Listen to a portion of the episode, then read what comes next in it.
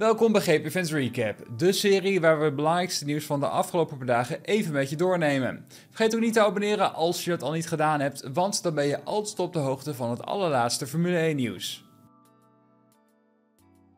De organisatie voor de Grand Prix van Canada heeft er een uitdaging bij. Er woeden op dit moment namelijk hevige bosbranden in de provincie Quebec, waar ook de stad Montreal en het circuit toe behoren. Het vuur zou 12 keer sneller om zich heen slaan dan normaal in dit seizoen. Hoewel het vuur in Montreal zelf nog niet te zien is, heeft de luchtkwaliteit in de regio wel een behoorlijke klap gekregen. Die zou op dit moment zo slecht zijn dat je in 24 uur net zoveel schadelijke stoffen inademt als bij het roken van 6 sigaretten. De autoriteiten hebben er dan ook het label high risk aan gehangen en adviseren niet lang buiten te blijven. De organisatie van de Grand Prix van Canada heeft nog niet officieel gereageerd op de huidige situatie, maar de voorspellingen wijzen erop dat het aantal bosbranden mogelijk alleen maar zal toenemen. Het blijft dus nog even afwachten of de huidige situatie daadwerkelijk zorgwekkend is wat de Grand Prix betreft. Of de situatie de komende anderhalve week genoeg verbetert om de race door te laten gaan. Sportmarketeer Chris Woerts verwacht dat Ziggo een serieuze poging zal gaan doen om de Formule 1 uitzendrechten vanaf 2025 weer naar de zender te halen. Volgens Woerts heeft Viaplay met de aanschaf van de rechten gegokt en verloren en staat Ziggo met smart te wachten om alles weer in ere te herstellen.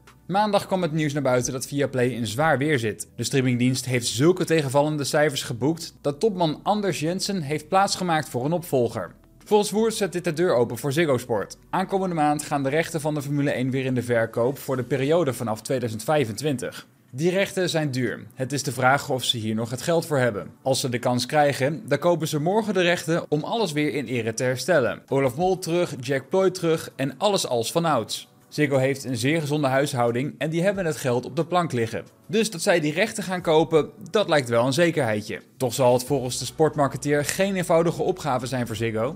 Want door het succes van Max Verstappen is het prijskaartje van de rechten ook enorm gestegen. Volgens hem moet Ziggo bereid zijn om zo'n 40 tot 50 miljoen euro per jaar te betalen voor het rechtenpakket. Alfa Romeo heeft James Key aangetrokken als technisch directeur.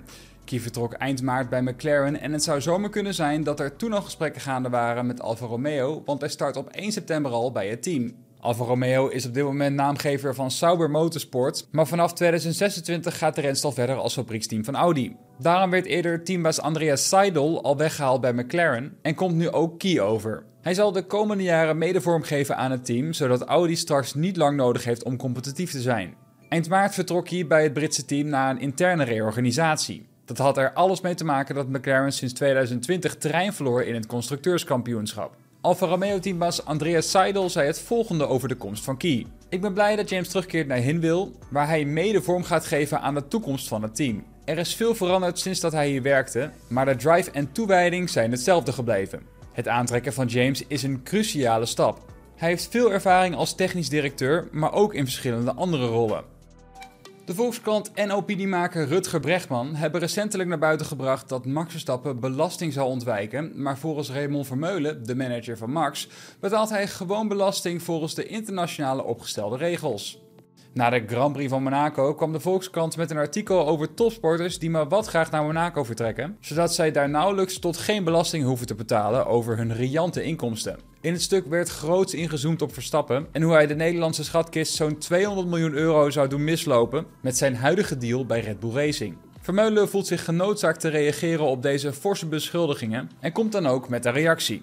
Het is feitelijk onjuist wat er door de Volkskrant geschreven wordt. Wij betalen keurig belasting over de sportprestaties die wij in Nederland leveren, zoals het inkomen dat hij verdient tijdens de Dutch Grand Prix in Zandvoort. We betalen ook belasting in andere landen waar hij als sportman inkomsten genereert. Verder hebben wij geen activiteiten in Nederland. Waarom zouden we daar dan belasting over buitenlands inkomen moeten betalen? Het zou vreemd zijn als je dubbel betaalt, dit zijn de internationale regels. Na de Grand Prix van Spanje heeft Mercedes met beide auto's een overtreding gemaakt en hiervoor hebben ze een boete van 10.000 euro gekregen. Het gaat om een fysio of assistent die zonder toestemming in Park Vermee is geweest. Het is Mercedes vorig jaar in Oostenrijk ook al eens overkomen. Toen kreeg het team dezelfde boete. De overtreding heeft verder geen effect op hun stand in de race in Spanje.